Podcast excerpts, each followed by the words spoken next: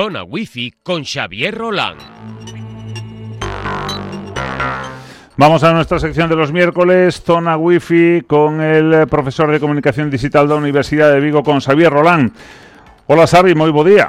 Hola, moi bons días, Alberto. Mm, como estás? Todo ben? Semana perfecta? Sin problemas? Na rede? Todo ben, todo ben. Sí. Na rede, bueno, sempre sempre hai novidades na rede. É con, eh, sí, é con cacharros, eh, bueno, que cando me refiro a cacharros, eh, tablets, smartphones, ordenadores, notebooks, todo sí, todo todo que se todo, queira. Todo tipo de trebellos, de diferentes bueno. tamaños e diferentes pantallas. Hoxe en Zona Wifi imos a falar, eh, bueno, pois dun aspecto que surdiu fai uns días, eh, que foi actualidade eh, falamos a mí eu, pois vamos a falar de que isto da red oscura, de internet oscura. Todo ben derivado a que a pasada semana eh, a Guardia Civil detivo en Pamplona un xoven de 24 anos considerado como un dos maiores traficantes de armas precisamente da red oscura, da Darknet, eh, nunha operación que se practicou registros pois en varias provincias españolas, e en Alemania, en Reino Unido, en España. E se deu a circunstancia de que, ademais de deter a este xoven de 24 anos en Pamplona, se detivo un xubilado en Santiago de Compostela de máis de 65 anos de idade, eh, arrestado nesta, nesta operación, se lle fixeron registros na estrada en Santiago, aí se incautaron armas cortas, escopeta de cañón recortado, munición. E dai dixen eu, eh, Xavi, falamos da Darknet, da red oscura. Vale, pois vamos a falar entonces da, da rede oscura. E para falar da rede oscura, eh, quero mm, facer un pequeno símil cos, cos ointes para que sexan capaces de imaginar eh, todo isto. Vamos a pensar que en realidad o que coñecemos de internet é como un iceberg. Vale, nós vemos a punta do iceberg, pero sabemos que hai unha parte moi grande por debaixo que non vemos. Vale, pois todo eso que engloba todo internet, todo, absolutamente todo. Que pasa? Que hai unha parte que sí que é accesible a través dos motores de búsquedas tradicionais, como poden ser eh, Google, como poden ser eh, Bing, eh, Ask, eh, outro tipo de, de buscadores, E esa internet que nós conocemos e que nós utilizamos no noso día a día é o que se coñece como Clear Web. Vale, e supón só o 10% de todo internet. Vale, só o 10%. Imaginar, só o 10%. Vamos a imaginar que internet, eh, todo internet é eh, Santiago de Compostela. Non? Pois o internet que nós coñecemos e que nós utilizamos diariamente, o día a día, Clear Web, sería pois o aproximadamente, sí, sí, o barrio de Conxo, por exemplo, sí. vale? Para non tirar sempre para o casco vello. Vale, vale, o barrio de Coixo, perfecto. por exemplo, non? E o 90% restante, eso que non vemos, é a deep web, vale? É a web profunda, que non quere decir que sexa dark web. Vale. En que consiste deep eso web. de da deep web ou a, ou a web profunda? Pois son todas aquelas informacións e, e, e arquivos que non se pode acceder públicamente. Vale, suelen estar protegidas eh, por un paywall ou, por exemplo, cando nós enviamos un, archivo de Dropbox, temos guardado en Dropbox e enviamos o enlace por correo, vale, eses enlaces non suelen estar visibles a todo o mundo e eso eh, forma parte da Deep Web. Vale, correos guardados en servidores, eh, as páxinas que se crean automáticamente cando fas unha búsqueda, por exemplo, nun comparador ou nun buscador de viaxes, que che sale un listado moi temporal de, dos viaxes e dos voos que, que podes coller nese momento, vale, todo eso forma parte da, da Deep Web. E insisto, este é o 90% da web. Que pasa? Que dentro desta, desta Deep Web sí que hai unha web escura ou dark web que representa únicamente o 0,1% deste espazo. Vale, é como así, volvendo ao símil de Santiago de Compostela fose eh, todo internet, a dark web en realidad solo sería, mm, pues, non sei, a, a Praza de Cervantes, por exemplo. Sí. Vale, Ah, un espacio vale. moi pequeniño. Vale. Vale, vale eh, Plaza de Cervantes. Vale, aceptamos Praza de non, Cervantes, eh, non? se estábamos en Conxo era mellor Plaza da Roxa, pero bueno. Tamén, ah. podemos, se falamos de Conxo, vamos a de, poñer como exemplo eh, a Praza Roxa, venga. É o 0,1%. Vale, e aquí é onde efectivamente suceden pois todo este tipo de actividades que en moitos casos están eh, ao marxe da, da legalidade. As delictivas, non sei se decirlo así, non? Sí, non quero decir que todas sexan delictivas, por suposto. O que pasa é que sí que se amparan en, en un anonimato para realizar este tipo de actividades. E aquí quero tamén facer un inciso, porque mm, supoño que a xente saberá, e se non o sabe, pois vai no descubrir hoxe, que todos os navegadores teñen un modo incógnito. Vale. Que é o eh, modo incógnito? O modo incógnito é un modo que se activa nos, nos navegadores, eh, por exemplo, en Chrome eh, chamase ventana de incógnito, e o que fai é que che permite eh, navegar na rede sen deixar eh, trazas rastros. no historial. No, rastros non, ah. sen, sen deixar trazas no historial. Vale. É dicir, co historial do navegador non vai a deixar ningún tipo de rastro, pero o teu proveedor de servizos de internet, eh, Telefónica, Movistar, R, R sí. eh, Yastel, Orange, Orange, Vodafone, todos. Todos eses sí que teñen constancia dese de tipo de, de, de datos e, e son moi fáciles de rastrear. Por eso é que comúnmente o modo incógnito se lle chama modo porno. Ah. Vale, isto é a, a, un, un guiño simpático, un non? Un guiño eh, simpático, sí. Xusto. Eh, pero eso non quere decir que naveguedes de forma anónima, nin moitísimo menos. Sa. Para nada navegades de forma anónima. Tites a túa dirección eh, a, a través dos servidores habituais, non? Efectivamente. E para navegar de forma anónima, se algún eh, se algún ointe pois quere probar, eh, eu recomendolle un, un proxecto que se chama Tor Project, que ten un, un logotipo moi simpático que é unha cebola. Uh -huh. É simpático pero é característico, porque en realidad a unha cebola está composta de diferentes capas. E ese é o que fai este este navegador. Tor Browser é un navegador que se conecta a diferentes servidores de maneira que é moi difícil, vai de capa en capa, e é moi difícil rastrear a actividade que se fai a través destes, deste navegador. Por eso é moi lento tamén, vale? Ah. Se alguén utiliza este navegador, eh, que sepa que non deixa rastros, obviamente, e sí que se pode facer unha, unha navegación relativamente anónima, digo relativamente porque porque o anonimato francamente é imposible na rede, eh, pero sí que se pode navegar de maneira relativamente anónima e claro, como vai saltando de servidor en servidor, de un servidor en Cuba, en China, en Corea, eh, en Corea do Sur, que decido, do norte me vexo bastante complicado. pois vai vai facendo unha, unha navegación que resulta pode resultar excesivamente eh, lenta. Como, como podemos buscarlo? ¿A través de torproject.org ou por Sí, a través de torproject.org, sí, a través de sectorproject.org eh, está disponible xa o navegador para que os usuarios e as usuarias podan descargalo e, e ver de que vai. Isto é absolutamente legal. Que non é ¿vale? delito, sí, especifica ¿vale? o deixao claro. Isto é importante deixar o sí. claro. O sea, aquí estamos falando da web escura e das posibilidades que hai, vale? E como unha persona pode acceder a web profunda, que non a web escura, vale? Insisto, a web profunda, 90%. Web escura, eh, perdón, web profunda cero... Ai, estou me liando, perdón, Alberto. Nada. Web profunda, 90%. Sí. Vale? A web escura, que a delictiva, é o 0,1%. 0,1%, sí. Vale, que para a dark a... web, vamos a decirlo así Justo, tamén. dark web, 0,1%. Deep web ou web profunda, 90%. Uh -huh. Para acceder a web profunda, ese 90%, pues podemos utilizar este, este navegador, e como un pequeno pistoletazo de, de saída a unha páxina para ver que o que realmente hai detrás, eu recomendo unha web que se chama thehiddenwiki.org vale, a wiki oculta.org sí. e ten un listado, un directorio de páxinas web que terminan en .onion, vale, unha extensión que está asociada pois a, a este tipo de, de webs e ao Tor Browser que era unha cebola, Onion, cebola en inglés, ten un listado de páxinas web para empezar a, a navegar e servizos que se poden utilizar. Por exemplo, un motor de búsqueda que non deixa rastros, vale, é, é DuckDuckGo. DuckDuckGo. Eh, DuckDuckGo. Pato, pato, go. Eh, uh -huh. Pato, pato, ir. Vale, vale. Sería en, en, en castelán. é un navegador, eh, perdón, é un motor de búsqueda perfectamente legal, vale? E a única diferencia, ou a principal diferencia con respecto a outros motores de búsqueda como Google, é que non deixa, non deixa restos de búsqueda. Se pode facer unha búsqueda relativamente eh, anónima. Que non estamos a falar de ilegalidades. Para nada, vou para nada. que... Aquí estamos profundizando e sendo, sendo curiosos. Curiosos. No vale, que, pero isto non é ningunha ilegalidade. No que un se poda topar neste caso na, na rede, aunque volvemos a insistir, estamos utilizando o 10% da rede, non? O que é a Clear Web, eh, esta parte, a, a web profunda, donde hai outras moitísimas cousas, pero sempre de un do punto de vista legal. O ilegal está un 0,1% que é a dark web que foi onde se compraron estas armas e onde se tiveron este rapaz en Pamplona eh, o jubilado en Santiago.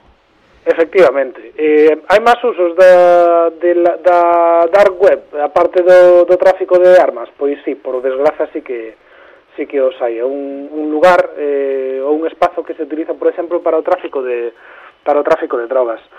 O problema é que como é tan difícil rastrear este tipo de este tipo de espazos e a este tipo de comunicación desde calquer tipo de dispositivo que emprega unha comunicación segura, as forzas e corpos de seguridade do Estado costalles moito atopar este tipo de de información. Uh -huh. E, por exemplo, permíteme Alberto ser ahora un pouquiño polémico. Vale, sí, vamos sí. a falar de Lo Cataluña. Dígame, dígame. É un tema, é un tema do que fala, non? Todo Falo, todo o mundo. Pois pues falar, falar teño que falar castelán cando me dis Lo Cataluña, tengo que hablar en castellano. no, non, non fai, non fai falta. O digo así por desdramatizar a situación que non sí, vamos a dramatizar nelo. Para nada, para nada. Eu simplemente vou apuntar algunha curiosidade tecnolóxica. Exacto. Dime, Xavi. Vale, nos utilizamos habitualmente para comunicarnos entre nós aplicacións de mensaxería instantánea como son WhatsApp, eh, Telegram ou similares, mm. vale? Hai unha aplicación de mensaxería instantánea que permite o anonimato ou que cifra os datos de maneira que non é posible eh, coñecer eh, identidades ou os propios datos que se podan filtrar, que se chama Signal. Signal. Signal. Esa eh, foi a aplicación que utilizaron para comunicarse mediante mensaxería instantánea as persoas que estaban organizando ou traballando pois a favor do, do referéndum. Para que non fosen detectados. Efectivamente. Eh, bueno, todos sabemos que a policía, eh, a Guardia Civil interviu, por exemplo, dominios e, e, e pechaba páxinas web. E vimos tamén que era, que era tamén difícil poñerlle portas ao campo, porque unha vez que se decretaba o peche dun dominio, pois pues, abría outro e se volcaba a información, é algo relativamente complicado de traballar cos medios eh, tradicionais en novos medios como, como pode ser internet e as novas tecnologías. Uh -huh. E desde o punto de vista da mensaxería, pues, simplemente quería eh, apuntar como, como unha curiosidade a aplicación que se, que se utilizou pois para coordinarse desde o punto de vista da mensaxería instantánea. Que, que é, é unha rede similar a WhatsApp ou... É unha aplicación moi, moi parecida a WhatsApp. É unha web, unha aplicación, perdón. É unha aplicación moi parecida, moi parecida a WhatsApp. A WhatsApp. -huh. É gratuita, digo, por si os usuarios queren entrar na Play Store ou na App Store e descargala, unha vez que a descarga sincronízase cos teus contactos e sabes se si tes algún usuario que este utilizando ou, ou non. Eh, Xavier, ti que eres profesor de Comunicación Digital na Universidade de Vigo, ahora que estás falando deste aspecto de comunicación dentro do que foi ese referéndum do, do pasado domingo e todo o que está sucedendo neste, neste país, o que nos non somos neste caso alleos eh, ao capítulo de redes sociais, o capítulo de novas tecnoloxías aplicadas a todo tipo de, de corrientes, opinións, valoracións, vídeos, imaxes, fotos, isto foi bestial. Eh, eu supoño que no futuro, porque agora é algo que está moi recente e, e está ferindo pois, moitas sensibilidades, pero a futuro, dentro dun ano, así, empezarán a aparecer estudios serios sobre comunicación, sobre comunicación propagandística, comunicación persuasiva e por os dous lados, vale, por parte do, do Estado español e despois por parte do govern eh, catalán. E sí que é certo que o uso de redes sociais é, é fundamental e, eh, de feito, para min a, a gran victoria, eh, e este é unha, un apunte persoal, vale? A gran victoria do, do govern catalán foi eh, conseguir que as eh, bueno, as mostras de, de violencia policial que se viviron en casos puntuais eh, chegarán ás portadas do resto de periódicos de todo o mundo.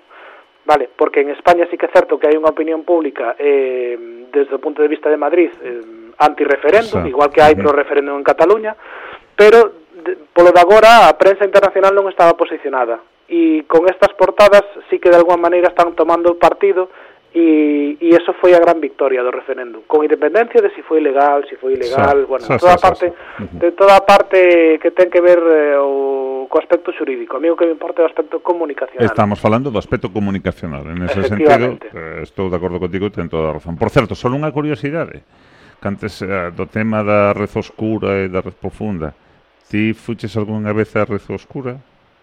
Eu fui un usuario de Tor Project.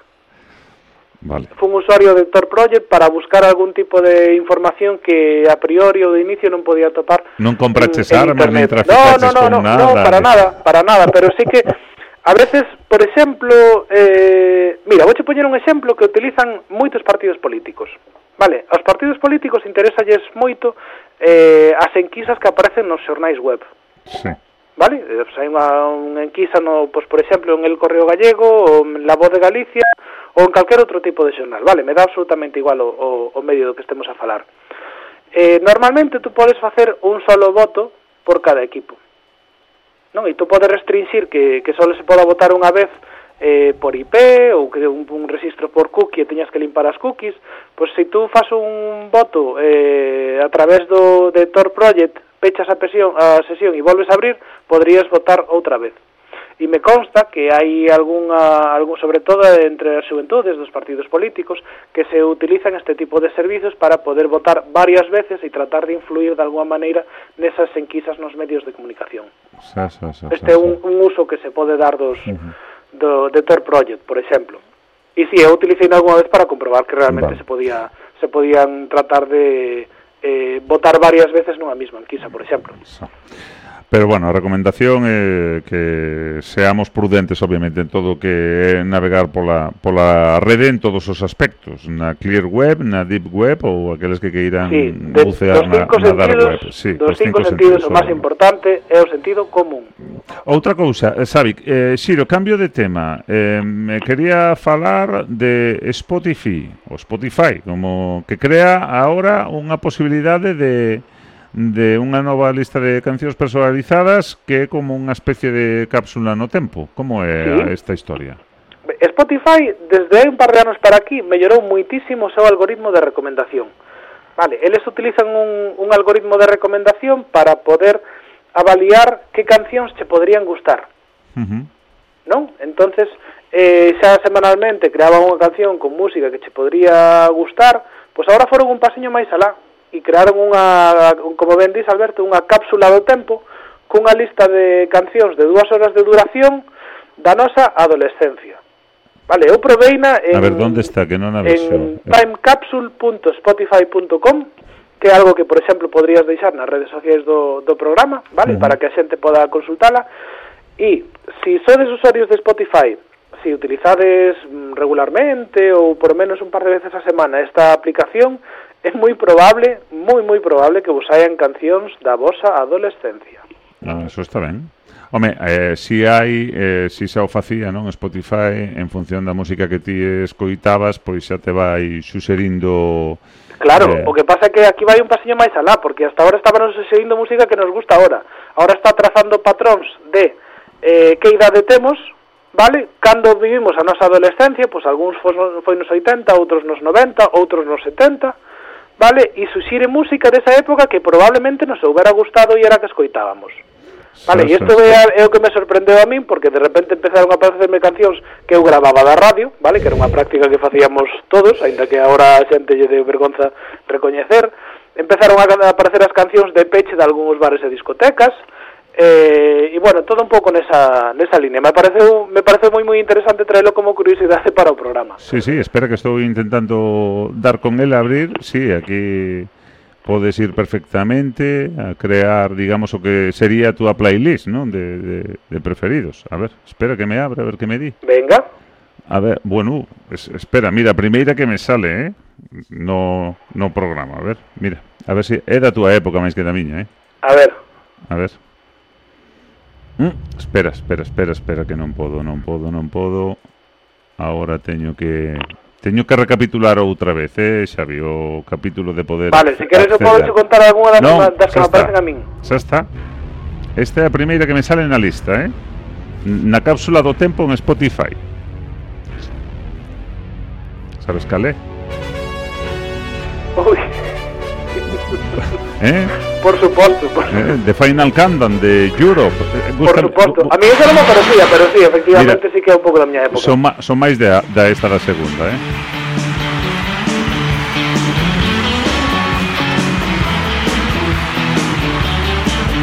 que é o Under My Tab do Rolling Stones eh, son preferentemente máis de Rolling Stones Bueno, eres dunha xeración anterior a miña, obviamente por, por eso te digo, non? Por eso te digo. Bueno. Y mira, Alberto, ¿sales algunha canción de algún grupo español? Sí, mira, a siguiente.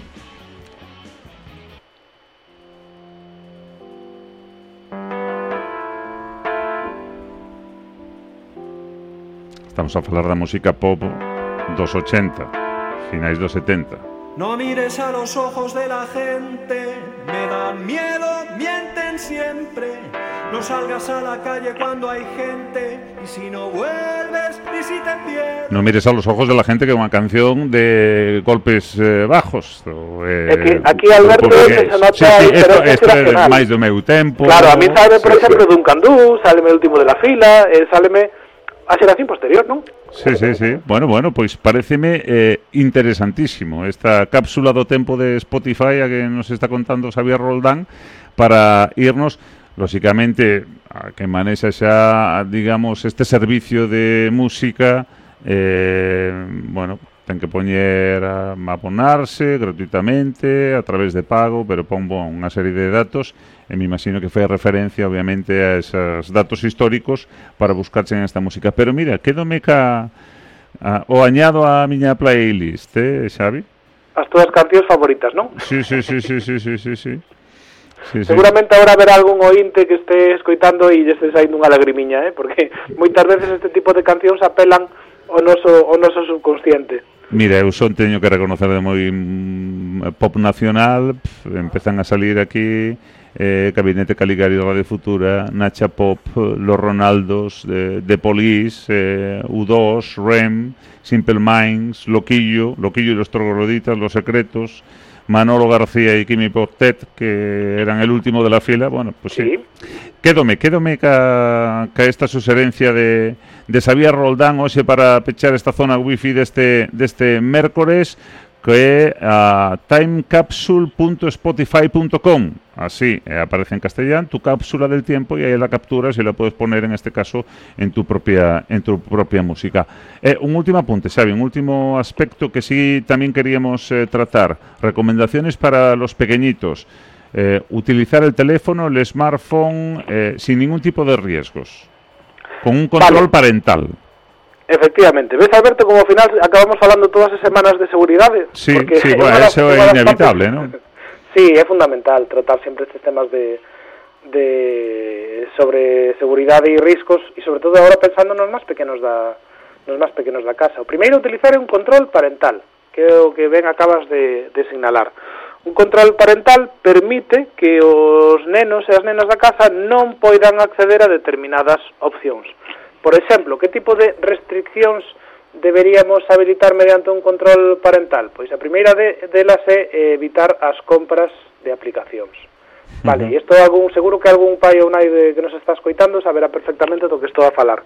Chega a factura de teléfono, vale, e de repente aparecen como 50 euros en, en aplicacións e de onde saliu esta cantidad, que nunca merquei isto. Bueno, pues posiblemente sea porque algún neno empezou a xogar e sin querer, eh, bueno, sin querer no, o mellor non son conscientes do, do concepto de compras nos teléfonos móviles e quere seguir xogando e para seguir xorando, xogando Candy Crush ten que comprar tres vidas e le dá el botón e ya está. Vale, pois pues, esa é unha das cousas que hai que bloquear, as compras da aplicación e sobre todo as compras in-app, Vale, que é un modelo de negocio que se dá única exclusivamente nos teléfonos móviles ou que nace exclusivamente nos teléfonos móviles, que son esas compras que se fan internas dentro da aplicación. Descargamos unha aplicación gratuita, vale, quero ter unha aplicación para ter os pitufos aquí na, no teléfono. Sí, sí. Vale, e despois estás dentro da aplicación que é gratis e dices, ah, se o pitufo quere ter un sombreiro vermello, tens que pagar un euro. E se o pitufo quere ter o pitufa corchos, pois tens que pagar un euro cincuenta Vale, ese tipo de compras que se fan dentro da aplicación sí. chamanse compras in-app e é algo que, que deberíamos desactivar mm, no control parental para que os nenos non poidan eh, non poidan acceder. Outra cuestión que debemos limitar son os accesos a páxinas web, porque se, desde calquer navegador móvil se pode acceder a esa clear web que falábamos ao principio, que é o 10% da, da web, pero que son moitísimas páxinas web, E cando digo moitísimas páxinas web estou incluindo non só as de nosa consulta referente, sino outras que poden non ser apropiadas para nenos. Vale, entonces, por exemplo, contido para, para adultos, que non debería estar accesible para nenos, se pode bloquear eh, nos accesos a páxinas, a páxinas web. E despois, unha recomendación moi especial, me gustaría facer é eh, controlar o tempo diante da pantalla. Vale, porque non estou en contra eh, de que os nenos poidan utilizar a tecnoloxía móvil para nada. De feito, o futuro vai ser unha pantalla. Antes había unha pantalla que era blanca con letras que era un libro, agora hai unha pantalla que é blanca con letras que é un ordenador. Son pantallas, vale. O que sí hai que limitar e ensinar a utilizar eh, é o tempo de uso que se fai diante de cada pantalla. E para iso hai aplicacións que permiten monitorizar o que fan os usuarios, eh, por exemplo, co teléfono co teléfono móvil, móvil. para os máis Unha aplicación, uh -huh. por exemplo, custodio. Como? Como que chamaches o teléfono nese momento? Dime, como era? Cus custodio. Custodio. Custodio escrito con Q. Con Q, custodio. Vale. Vale, vale. Esa é unha aplicación que permite, bueno, pues, eh, poñer límites de acceso a aplicacións concretas e viciar un pouco o tempo de uso dos, dos, eh, dos nenos e das nenas. Perfecto. Vale, é unha ferramenta estupendísima, incluso tamén para facer eh, os deberes, pero sí que é certo que nos eh, controlamos e somos capaces de facer un uso eh, correcto da tecnoloxía, os nenos todavía non. Entonces sí. temos que ensinalos a temos igual que lle ensinamos a pois a utilizar o coitelo ou o tenedor para comer, temos que ensinarlle tamén a utilizar o teléfono móvil. Vale, Perfecto. para que o utilicen de maneira correcta e bueno, pois non utilicen para outros fins que non deberían ser usados. Consellos eh, en riba da mesa nesta zona wifi como todos os mércores co profesor Xavier Rolán. Xavi, gracias. Ata o próximo mércores. E eh? non vayas a dar web nin a zona oscura de internet nin estas cousas, eh? Tratarei, tratarei de non caer nun pozo negro deses. Unha aperta, bo día. Ata logo, Alberto.